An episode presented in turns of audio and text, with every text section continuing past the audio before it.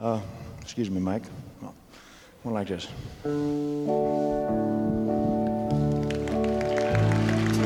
Love me tender, love me dear, never let me go. You have made my life complete and I love you so. Oh, det känns ju som att julen är nästan här Louie när vi hör den här låten. Elvis är väl som klassisk. Ja men Elvis han är ju kungen han. Ja det är ju det. Ja. Eh, och Louie du är ju kungen här, eller vad ska man säga? Kungen av eh, kreditvärldens podden. Ja, exakt. Vad är du då Gabriel? Nej, jag är bara en enkel kreditanalytiker. och så har vi en till sån som jag. Ja. Två, två små prinsar. Emil. ja, juniorprins då. ja, äsch då. Ja men vi är tre idag faktiskt. Det är ja. som alltid Louie och så är det jag och så är det Emil också som också är kreditanalytiker på Danske Bank Markets i Sverige. Just det. Mm. Nu har vi klarat av det.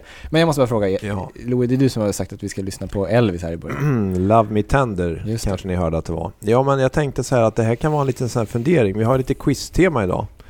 Då kan man fundera på, uh, det här är en väldigt svår quiz. Vad har Love Me Tender att göra med kreditmarknaden 2016? Svaret får ni lite senare. Okej, okay, ja. får hålla oss på halster. Mm. Mm. Mm. Ja men då så. Mm. Eh, För vi skulle ju prata om kreditutsikterna idag, eller mm. hur?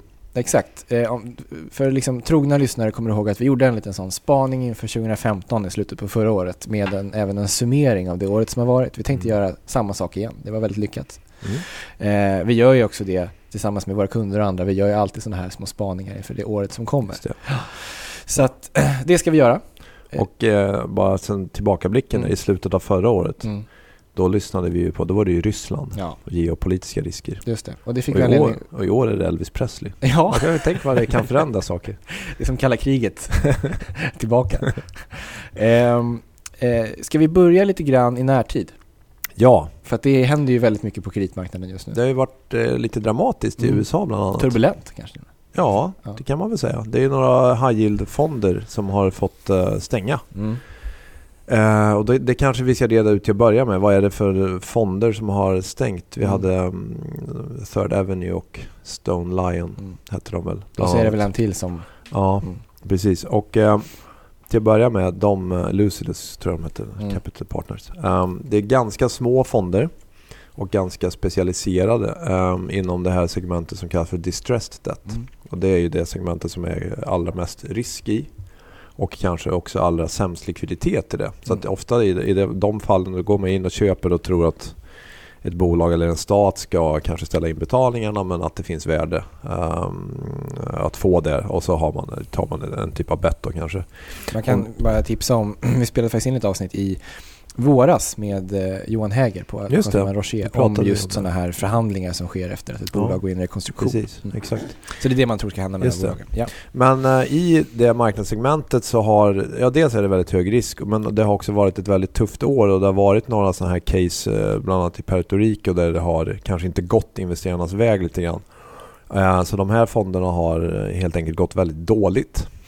och när man då Eh, ska försöka komma ur sina positioner och investerarna i de fonderna vill ta ut sina pengar så blir det ganska svårt då eftersom det är väldigt dålig likviditet. Så vad man har gjort är ja, stänga dem och så har man sagt att vi kommer betala ut pengar efterhand men vi får mer betalt om vi kan vänta lite och sälja det gradvis. Mm. Uh, och det här har ju då skapat en oro kring hur hela, eller det har varit mycket skriverier i alla fall om hela amerikanska high yield-marknaden om den liksom är på väg att, att kollapsa och så vidare. Så att om man investerar i en, de här high yield-fonderna så får man helt enkelt vänta på att få tillbaka sina pengar om man vill ta ut dem. Mm. Tills att de har sålt av papperna i den takt som de tycker är bäst. Ja, man kan väl säga att det finns ju egentligen ingen chans att omsätta obligationerna um, just i de här segmenten. Så det, det går inte, man kommer ju inte ur positionerna då. Vill någon plocka ut pengarna så, mm. så finns det inga pengar att ta av helt enkelt. Så mm. då väljer man väl istället mm. att och låsa fonden helt enkelt mm. för uttag. Vanligtvis har man ju också en, någon slags en, eh, kontantbuffert också i fonden. Men den är alltså använd så att säga. Ja, jag kan inte i de här specifika fallen Nej. exakt hur det ser ut med det. Men förmodligen, jag vet att de har liksom haft typ 50% av investeringarna legat i det här triple C-segmentet till exempel. Och sånt som inte har haft ratings och så vidare. Ja, extremt illikvida papper. Eh, ja, precis. Eh, men det här med just likviditeten och att det nu är mer vad ska jag säga, fonder som är aktiva och eh, till skillnad från kanske pensionskapital som inte behöver ta ut sina pengar. Gör ju, det har ju varit tidigare diskussioner med myndigheter i USA och så vidare att man ser det här som en potentiell risk att bolagen har en stor del av sin finansiering på en marknad där likviditeten nu givet att bankerna inte kan ställa upp eh, och tillhandahålla lika stora lager som tidigare är att man är lite osäker kring hur kommer det här att se ut? Vad kan hända i en krissituation om vi Mm. Så det har ju skett en väldigt kraftig omprissättning på den amerikanska high yield-marknaden. Jag tror eh, att den genomsnittliga avkastningen nu på en high yield-obligation i USA ligger strax under 7 Mm. Det är ju väldigt högt får man ju säga. I alla fall att jämföra med senaste årens liksom, successiva tightning då. Som man säger. Precis, Mm. och nu har det liksom gått åt andra hållet. Vi Mm. har haft lite negativ avkastning. Jag tror vi ligger på minus 2% ungefär i USA Mm. eh, de senaste 12 månaderna. Men det innebär också att det är ganska, ett ganska negativt scenario som prisas in. Sen ska man ju tänka på också att det är ganska mycket energi och mm, oljerelaterade bolag i USA. De har naturligtvis också fått mycket stryk av när oljan har fallit och det, Mm. där kan, kommer ju konkurserna också att öka. Så det är ju väldigt rimligt att den omprissättningen sker. Så, men det man får fundera på nu då inför kommande året är egentligen tror man att det kommer att bli en recession i USA eller inte? Tror man på ett recessionsscenario då kan säkert spreadarna gå isär mycket mer än vad vi har sett hittills för det Mm. blir en så kallad overshoot. Uh, men tror man på ett mer vad ska vi säga, moderat scenario där vi ändå hankar oss fram tillväxtmässigt så känns det ju som att eh, man faktiskt har en rätt okej prissättning på de här obligationerna nu. Mm. Då har vi kanske sett den, den, den, det värsta liksom vad gäller omprissättningen. Just det. Eh, En ytterligare förklaring kan väl vara att eventuellt så har vissa bolag fått låna till för billigt helt enkelt. Eller fått låna för mycket än vad de borde ha fått göra. I liksom en normal, att Mm. det har varit en sån kreditboom och så låg Mm. ränta att bolag har fått låna för mycket pengar. Absolut. Och nu har de inte råd att betala tillbaka så att säga. Att det är därför kommer konkursen öka också. Mm. Men Nej, lite, frågan är ju var är vi i den här kreditcykeln och när kommer den så att säga att, eh, att stanna av och, ja, och, och så vidare. Men, och, och det finns ju helt klart den här risken att vi tippar över vid, vid någon tidpunkt till en full, en full recession då, eller Mm. och, eh, där bolagen får mer allvarliga problem. åtminstone en kreditmässig eh, bast. Ja, Mm. jo precis. Mm. Exakt. Ja men då så, så. um, så det är lite grann. Men hur ser det ut i Sverige då? Är det liksom, är det, det är ingen fond som måste stänga i Sverige eller? Alltså, Nej, absolut inte och det, det känns väl ganska långt bort också även om vi har en viss Norge-exponering och oljeexponering då i, i några av de svenska fonderna men eh, det är inga sådana inte, uttag. Nej, det skulle jag absolut inte säga Nej. och inte i närheten heller. Vi ska också tänka på att eh, just det här med energiexponeringen är ju betydligt lägre både i Sverige och Mm. även på den europeiska marknaden. Så att eh, den här fundamentala oron finns ju inte på det viset. Vi har ju snarare, kanske till exempel fastighetssektorn är ju relativt stor här. Och Ja, absolut. Där, Där- ser det ju fundamentalt okej ut givet det låga ränteläget och Mm. En, en bättre makroekonomisk situation också. Mm. Mm. Men du pratade om 2% för amerikanska marknaden eh, negativt eh, utveckling senaste året. Hur har det varit på svenska marknaden då? Det ligger väl i en range på minus ett par procent till plus ett par procent. Mm. Tror jag Mm. lite beroende på eh, fond och vilka innehav man har. Och det är väl också en generell rekommendation om man funderar på sin specifika fond att alltid tycker jag gå in och titta på vad, vad har man för största innehav. För då tror jag man får en ganska bra känsla för ungefär vilka bolag man är. Ja, man exponerar mot. Då. Mm. Just det. Det och även, ja, även euromarknaden kan jag säga. Den liknar väl mer eh, den svenska marknaden. Har haft en mer okej, avk- ingen superavkastning men, men på plussidan. Mm. Ja. Energisektorn har ju gått dåligt generellt. Liksom. Är det någon sektor som har gått bra generellt? Fastigheter har gått eh, bra Mm. eh, och sen eh, ska vi säga att, banker har gått ganska bra också. Mm. Eh, Och även tra- vissa transportbolag. Vi tittar på någon sån lista på bäst och sämst avkastning i Norden på high yield. Och bland de bättre obligationerna finns ju till exempel SAS. Uh, Och då kan man, det kan man ju kanske tänka. Och jag tycker också det vi har sett faktiskt idag uh, är ju en väldigt bra sammanfattning på hela året. Vi hade en vinstvarning från SSAB. Mm. Så att de här råvaruexponerade bolagen och många av de norska shippingbolagen har gått väldigt, väldigt dåligt. Eh, och sen hade vi då ett väldigt eh, positivt resultat, eller siffror som kom från SAS. Mm. Eh, och det, ja, de här gynnas ju då av de här låga råvarupriserna. Och sen eh, som grädde på moset hade vi ju Balder som tog in väldigt mycket eh, aktiefinansiering Mm. idag också. Så det Mm. visar också på den här gynnsamma miljön som fastighetsbolagen befinner sig i. Och det är de låga räntorna och expansiva penningpolitiken. Ja, och sen kan man ju till det lägga om man tänker på Sverige specifikt att vi förmodligen kommer att se eh, det finns en, ett vad heter det, underliggande behov av bostäder till Mm. exempel och så. Mm. Ja, verkligen. Givet demografiska trender. Just det, bra. Men du, Louis, nu börjar, hur länge ska vi hålla på och vänta på det här förklaringen till larmet händer? Ja, men vi skulle ju kanske kunna ta det nu då lite Ja. grann. För att ett litet tema som vi tänker inför nästa år, givet uh, vi vet liksom de här osäkerheterna kring ekonomin, eh, lite grann kanske ränteläget och så, men vi tror att ett sånt här tema eh, som vi tror rätt mycket på är att se på lite kortare löptider. Man kan gå ner och ta kanske exponering i dubbel B-kategorin till exempel, där man får lite bättre avkastning. Men man behöver inte gå kanske ut på jättelånga löptider. Man tar lite kortare löptider. Till exempel i, i fastighetssektorn. Då. Därför att vi tror att en, eh, en sån här återkommande tema som vi kommer att se det är ju eh, att eh, bolag eh, kommer att ha fortsatt rätt god likviditet. Då kommer man eh, kanske att se på att köpa tillbaka en del kortare obligationer. Eh, och man har fortsatt ganska låga investeringar. Och när man gör det då ger man en sån här tender offer. Och då kommer vi in på det här med Love Me Mm. Tender. Ett återköpserbjudande. Precis. Mm. För de här återköpserbjudandena kan då komma till mm, ofta ganska okej villkor då. Mm. För att de, man ska attrahera obligationsinvesterare. Det är liksom hur man managerar sin likviditetssituation. Men det känns lite svårt. Då måste man liksom göra lite rätt, välja rätt bolag och sådär. Ja men så kommer det tror jag fortsatt kommer att vara väldigt mycket så. Det tror jag är ett, ett tema som har gällt även i år. Att det gäller liksom att undvika vad säger man? Dodge the bullets. Liksom. Mm. Försöka undvika att bli träffad av de här stora nitarna. Vi har ju haft en, inte så många defaults i Europa, men vi har ju till exempel ett bolag i Spanien, Abengoa, som är ett energibolag. Och Jättestort. deras obligationer har ju fallit med tror jag, 87% i värde. Där de har varit tvungna att gå in i en eh, rekonstruktion och jag vet inte liksom var, det, var det kommer att sluta någonstans. Så det finns ju exempel på just då bolag som har gått riktigt, riktigt eh, dåligt och det gäller att in, kan man undvika dem liksom, då kanske man kan klara sig ganska okej. All right.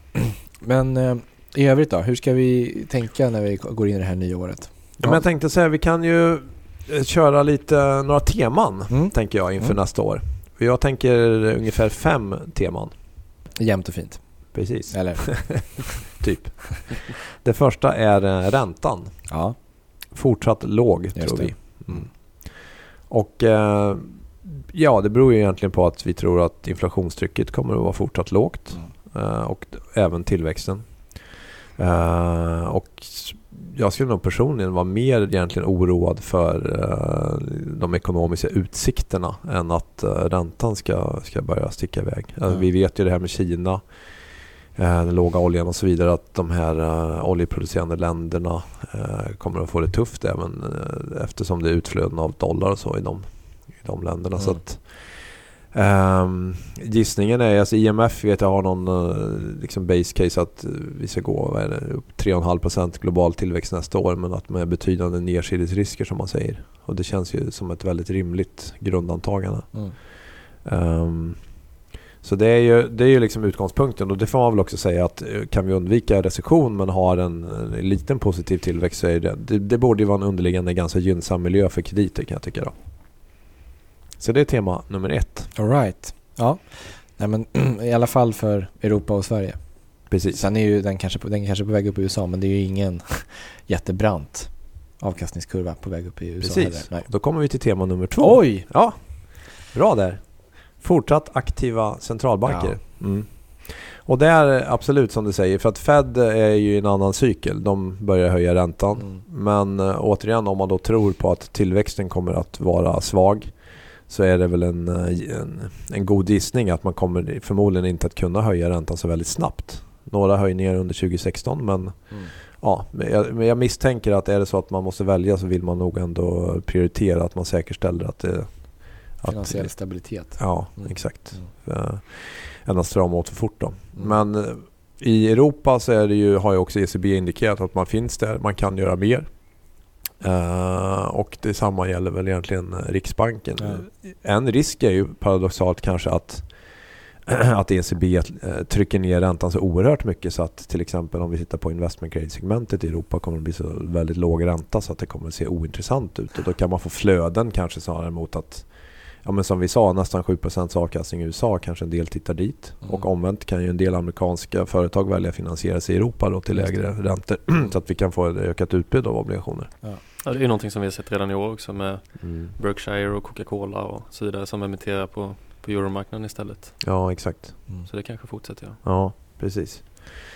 Ehm, så att en annan sak som kan hända också som skulle kunna gynna så att säga, kreditmarknaden det är ju om eh, Riksbanken och ECB om de breddar sina obligationsköpsprogram. Mm. Jag vet att ECB tidigare har ju indikerat att företagsobligationer skulle kunna vara en sån sak. Mm. I, här i Sverige är det väl, ligger det väl närmast till hands att man skulle titta på Kommuninvestor till exempel. Men det borde ju också hjälpa, hjälpa eh, kreditmarknaden.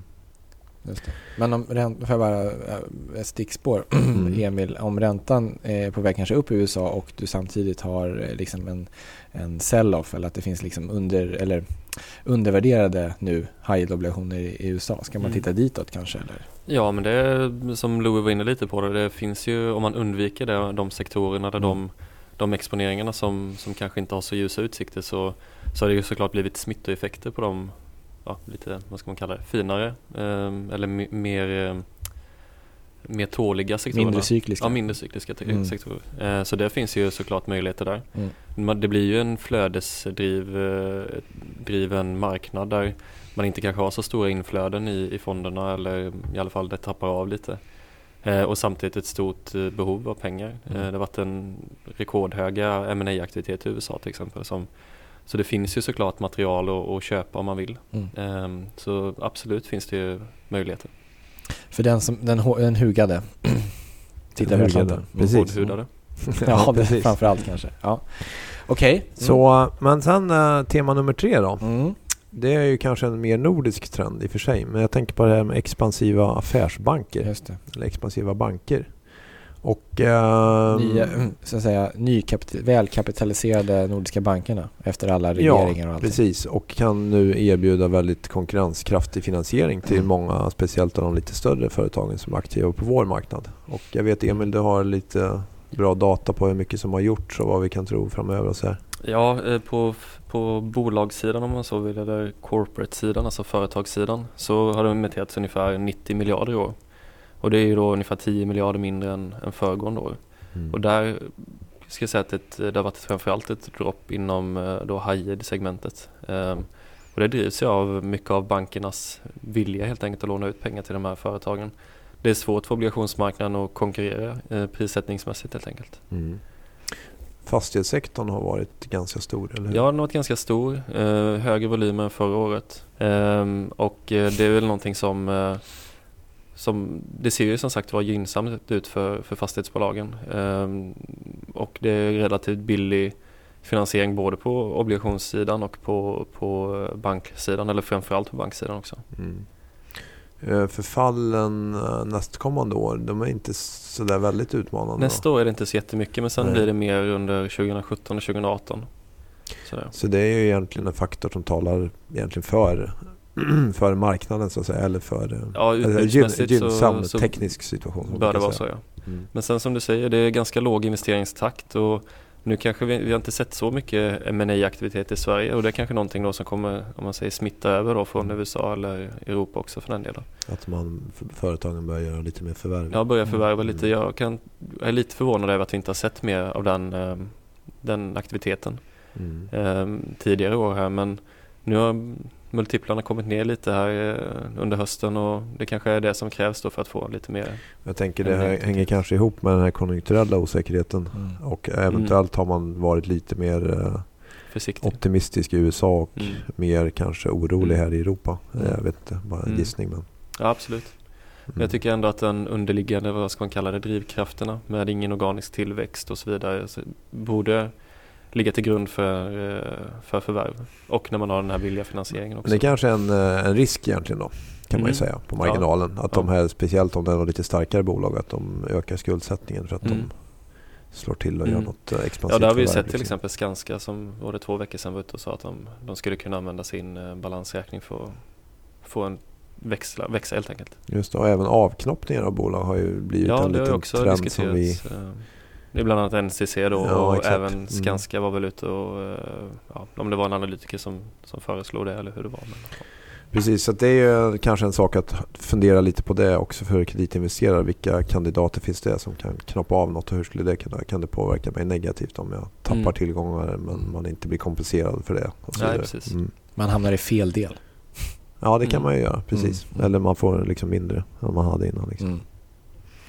Ja, men det, det känns ju ändå... Men ja, bankerna, kanske- kommer de vara fortsatt expansiva nästa år? Det var det jag tänkte, vad ska man tro? Det är väl en gissning att man förmodligen kommer att vara det. Sen det är klart att det är alltid svårt att säga de här nya regleringarna och eh, vad eh, kommer eh, myndigheterna kräva vad gäller kapitalisering på bankerna. Om man, den, nu, man pratar om att det här bruttosoliditetsmåttet och så vidare att ska, bankerna ska stärka sin balansräkning ytterligare. Då kan det ju hända att man måste ta mer betalt Mm. för krediter. Så det kan ju också svänga lite över tiden. Men Mm. i den nära framtiden så får man väl ändå tro att man, bankerna kommer att vara relativt Mm. expansiva då. Mm. Så då ska vi gissa på um, typ oförändrade volymer kanske? Ja, men som sagt sånt. det, det känns som att det beror väldigt mycket på vad bankerna bestämmer sig för och det, det kan gå ganska snabbt när man byter, byter fot lite där. Mm. Så det, det, känns, det känns svårt att, att helt bedöma men, men om man eh, utgår från vad vi har idag så skulle jag väl säga att det är någonstans oförändrat. För den som vill ha en väl balanserad förfall och profil bör man även fundera på företagsobligationer. Exakt. Det ska jag fundera på Louis. Mm. Tack. Nu börjar vi närma oss en quizfråga. Nej, oj Gabriel. oj oj, Ja. till mig? Ja, faktiskt. Jag funderade för att eh, jag tänkte säga nämligen tema nummer fyra. Mm. Eh, vi har ju varit inne på det redan, men de här Mm. låga råvarupriserna. Mm. Och vi konstaterade att det finns vissa sektorer som det slår ganska hårt emot. Och vi noterade även att eh, vi har ganska mycket sådana bolag i Norge. Ja. Och då kommer den här lite ganska luriga, nu är jag lite taskig mot dig Gabriel. Ja. Du är ju van dig i och för sig. ja, precis. Det är som vanligt på. Nej, verkligen inte Nej. Vi, har, vi bad våra norska kollegor att ta Mm. fram lite data till oss bara för att se. Vi funderade på, man brukar prata på kreditmarknaden om så här distress ratio och då menar man bolag som handlas till en kreditspread på över ja, 800 punkter kan det vara eller 1000 punkter så en väldigt hög ränta får de betala. Um, att man ser det som en sorts indikator på att det här bolaget kan hamna i en rekonstruktion eller så framöver, eh, uh, göra en default uh, för att de kommer ha de svårt att, det är väldigt dyrt för dem att refinansiera sig. Eh, Så det brukar man titta på. Så att vi, till exempel i USA där vi har mycket energibolag, där ligger den här distress ratio på ungefär 20%. Men skulle vi titta på svenska marknaden så ligger vi på ungefär 5%. Eh, Och även euromarknaden är väldigt låg nivå då. Så vi har inte så många krisande bolag. Men Mm. då kommer fråga nummer ett till dig Gabriel. Mhm. Ja. Och även för er lyssnare. Ja. Eh, Om vi tar till att börja med rigging-segmentet i Norge. ja. Vad tror du att distress ratio ligger på? Det är de som håller på med oljeriggar och så. Jag måste bara få lägga in en liten disclaimer att jag har Mm. inte varit superaktiv det här året och den som undrar varför kan ju fråga mig personligen så kan vi reda ut det sen. Men Ja, jag, vi- vi jag kommer det från ett underläge. ja. Mm. Mm. Men okej, riggsektorn i Norge jättetufft. Man vet ju att eh, norsk oljeproduktion har ju betydligt högre kostnader än på många andra ställen i världen. Som, Mm. ja, och så vidare. Ja. Ehm, hälften då? 50 procent? Lite mer faktiskt. Är det så? 100 procent. Nej! Det var mycket, eller hur? Det är mycket. Ja. Mm. Så äh, ja, det var, jag vet, det var lite, Ja. det var, det var lite svårt. Det var lite svårt. Men Mm. det visar, det visar ju på någonting. Ja, och det hamrar väl också in poängen att det som, man, det som har slagit mot svenska investerare eller andra investerare är ju de som varit investerare i Norge. Ja, exakt. Och sen ska jag också säga så att det här har ju också prisats om rätt mycket bara de senaste veckorna. Mm. Det går ju väldigt nära korrelerat med oljepriset. Så Mm. svaret hade varit eh, annorlunda om vi hade gått bara ett par veckor tillbaka i tiden. Ja. Nu kommer nästa fråga på samma tema. Ja. Om vi tittar på hela norska high marknaden ungefär vilken distress ratio pratar vi då? High yield alltså. Mm. Okej, men då säger vi 65. Det är lite drygt 30. Okej. Mm, Ja, Faktiskt. så- Så det var ju bättre. Det var lite sämre på ena, alltså utfallet Ja. Än, än vad du trodde. Och det var jag- bättre på andra. Så egentligen var det överlag kanske blir lite optimistisk här nu när du har hört svaret här. Ja, exakt. Jag var en sån Bayesiansk gissning, att jag använde liksom informationen från förra frågan och så var jag lite för, Ja. för pessimistisk. Det finns ju en del andra sektorer också i Norge. Det har Det gör fastigheter till exempel. har ju även där varit aktiva på high marknaden. Shipping tror jag också har, ligger på lite lägre så här. Så att, eh, Fiskmat. ja. Det är fiskmaten Precis. man för, Så, förlitar sig på. eh, nej men precis. Så att, ehm, men visst, 30 är ändå fortsatt rätt högt. Så vi noterade ju även då lite högre än i USA då, till Mm. Så, att, eh, ja, så det vi kan konstatera av detta är väl att vi troligen kommer få se ett antal rekonstruktioner under kommande året om Mm. inte att, så att oljepriset studsar upp i den väldigt nära framtiden. Vilket inte känns kanske jättesannolikt. Jag vet något mer som kommer hända nästa år. Jag måste läsa på lite mer om norska kreditmarknaden. Just det. Mm. Jo, det kan man ju faktiskt börja intressera sig för. Ja. Det är ett bra tips. och sen kommer vi då till eh, sista temat av Ja. de här fem för nästa år. Mm. Ökat fokus på hållbarhet. Mm. Och här kan vi ju på det temat nämna två exempel eh, i- år på bolag som haft lite problem. Och det, är det ena känner väl de flesta till, Volkswagen. Eh, med bilskandalen. Och det är väl ett bra exempel på att när man eh, missar på den här aspekten så kan det bli stående ganska dyrt. Då. Och på vår marknad så har ju den kreditspreaden, riskpremien på Volkswagen gick ju i höjden där. Mm, Har ja, väl återhämtat sig en del men mm. Men eh, det kom ju liksom som en chock och då kan man också som ett bolag hamna i den situationen att vissa investerare säger att vi vill faktiskt inte investera alls i det här bolaget. Tills Fler och man fler har fått investerare ordning har ju sådana svartlistor. Liksom. Ja, Mm. exakt. Eh, och vi har ju även haft situationer med, med Vattenfall och brunkolsförsäljning och det, så att Mm. där har vi också haft en ganska turbulent eh, eh, situation. Men ett, ett tema då och efter klimatmötet här är, är ju, och det är ju på tal om det ganska paradoxalt man pratar om att vi ska sänka koldioxidutsläppen och sen är oljepriset på all time eh, low här nästan. Så det är inte som att eh, inte så... den som ska köpa en Ringande. värmepump eh, vi är liksom, ja, hur ska jag räkna hem det här nu då när jag Ja, kan det- köpa så billig olja? Incitamenten är inte rätt riggade. Nej. säga. Så vilken tiden nu borde vara bättre eh, bättre timingmässigt än att lansera den här globala koldioxidskatten Ja, nu när det är så billigt med olja. jag håller med. Det kan ju vara nästan en slutkläm. Jag är inte fullt så optimistisk som du, men vi kan ju hoppas. Nej, det är väl, eh, det är väl inte jag heller. Men eh, jag tänkte så här som en liten, för den som vill eh, fundera på hur det ser ut med det egna koldioxidavtrycket så här inför om man vill göra nyårslöften och så. Mm.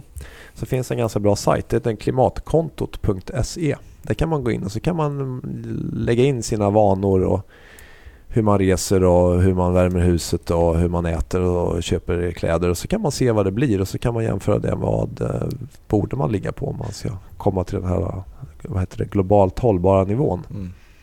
Litet tips. Gabriel och Emil, gå in och gör det här nu. Det kan bli ett löfte i alla fall. Jag är chefen. Ehm, men det var väl de fem temana.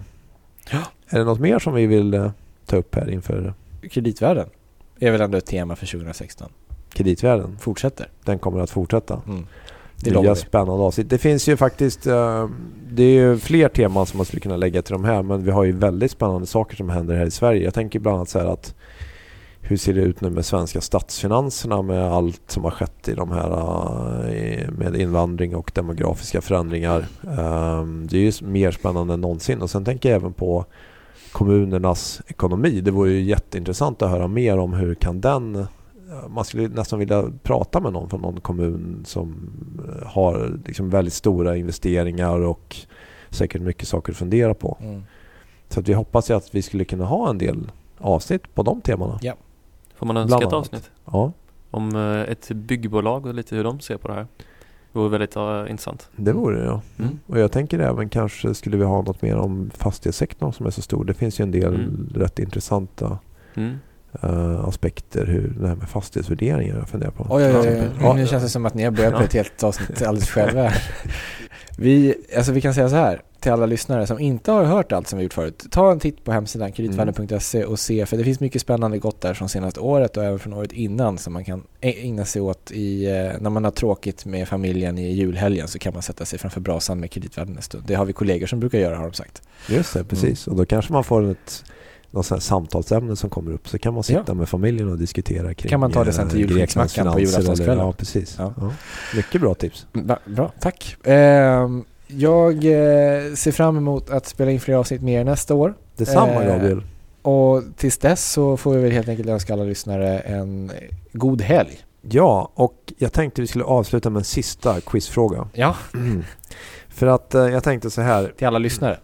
Ja, eh, som anekdot kan jag förresten säga. Det är mycket så här man tycker att tiden är ur led och så här, det är mycket konstiga saker som sker. Och eh, det var ju eh, en person som fyllde 100 här nyligen. Eller vet ni vem jag tänker på? Eller som skulle ha fyllt 100, som föddes för 100 år sedan? Pass. Frank Sinatra. Mm. Mm. Och då har det spelats en del musik av honom och då det jag själv reagerade på var att Christer Sjögren har varit med och gjort en hyllningskonsert och har tydligen turnerat runt med det här. Det känner jag är lite märkligt. Men eh, ja, Jag hoppas det inte är några jämförelser i övrigt mellan Christer Sjögren och Frank Sinatra. nej det var just det, jag, inte, jag fick inte ihop det riktigt där, om du förstår. Men eh, originalet är väl alltid bäst, är det inte så i alla sammanhang? Men eh, jo, nu kommer jag till Vi en till exempel två bleka kopior av dig. Ja, nej, inte alls. Nu kommer jag till eh, den riktiga quizfrågan. ja. Har- för att jag tänkte så på det här temat med miljön, att vi kanske skulle liksom försöka förändra oss lite grann i våra vanor och så här. Så skulle vi inte kunna spela en låt, den här som heter A Change Is Gonna Come ja. med artisten Sam Cooke. Mm. Och, Originalet. eh, ja, originalet. Och då är min fråga, um, vilket sammanhang blev den här låten först väldigt populär från början? Oj. Nej, men det var i den här medborgarrättsrörelsen i USA faktiskt. Att man eh, ja, tänkte att en dag så kan ju saker faktiskt förändras. Tycker Mm. jag är ganska fint. Mm. Lite hoppingivande. Man måste ha hopp, tänker jag. Jag såg faktiskt filmen Selma i helgen. Bra film. Men det är bra. Om Martin Luther King. Mhm. Apropå det. Ja. Mm. Lite tips där också, lite filmtips också. Ja, mycket fint. så här i jultid. Vi lämnar er helt enkelt med herr Cook och hans kloka ord om framtiden. Vi önskar alla lyssnare en god jul och gott nytt år. Hej då. I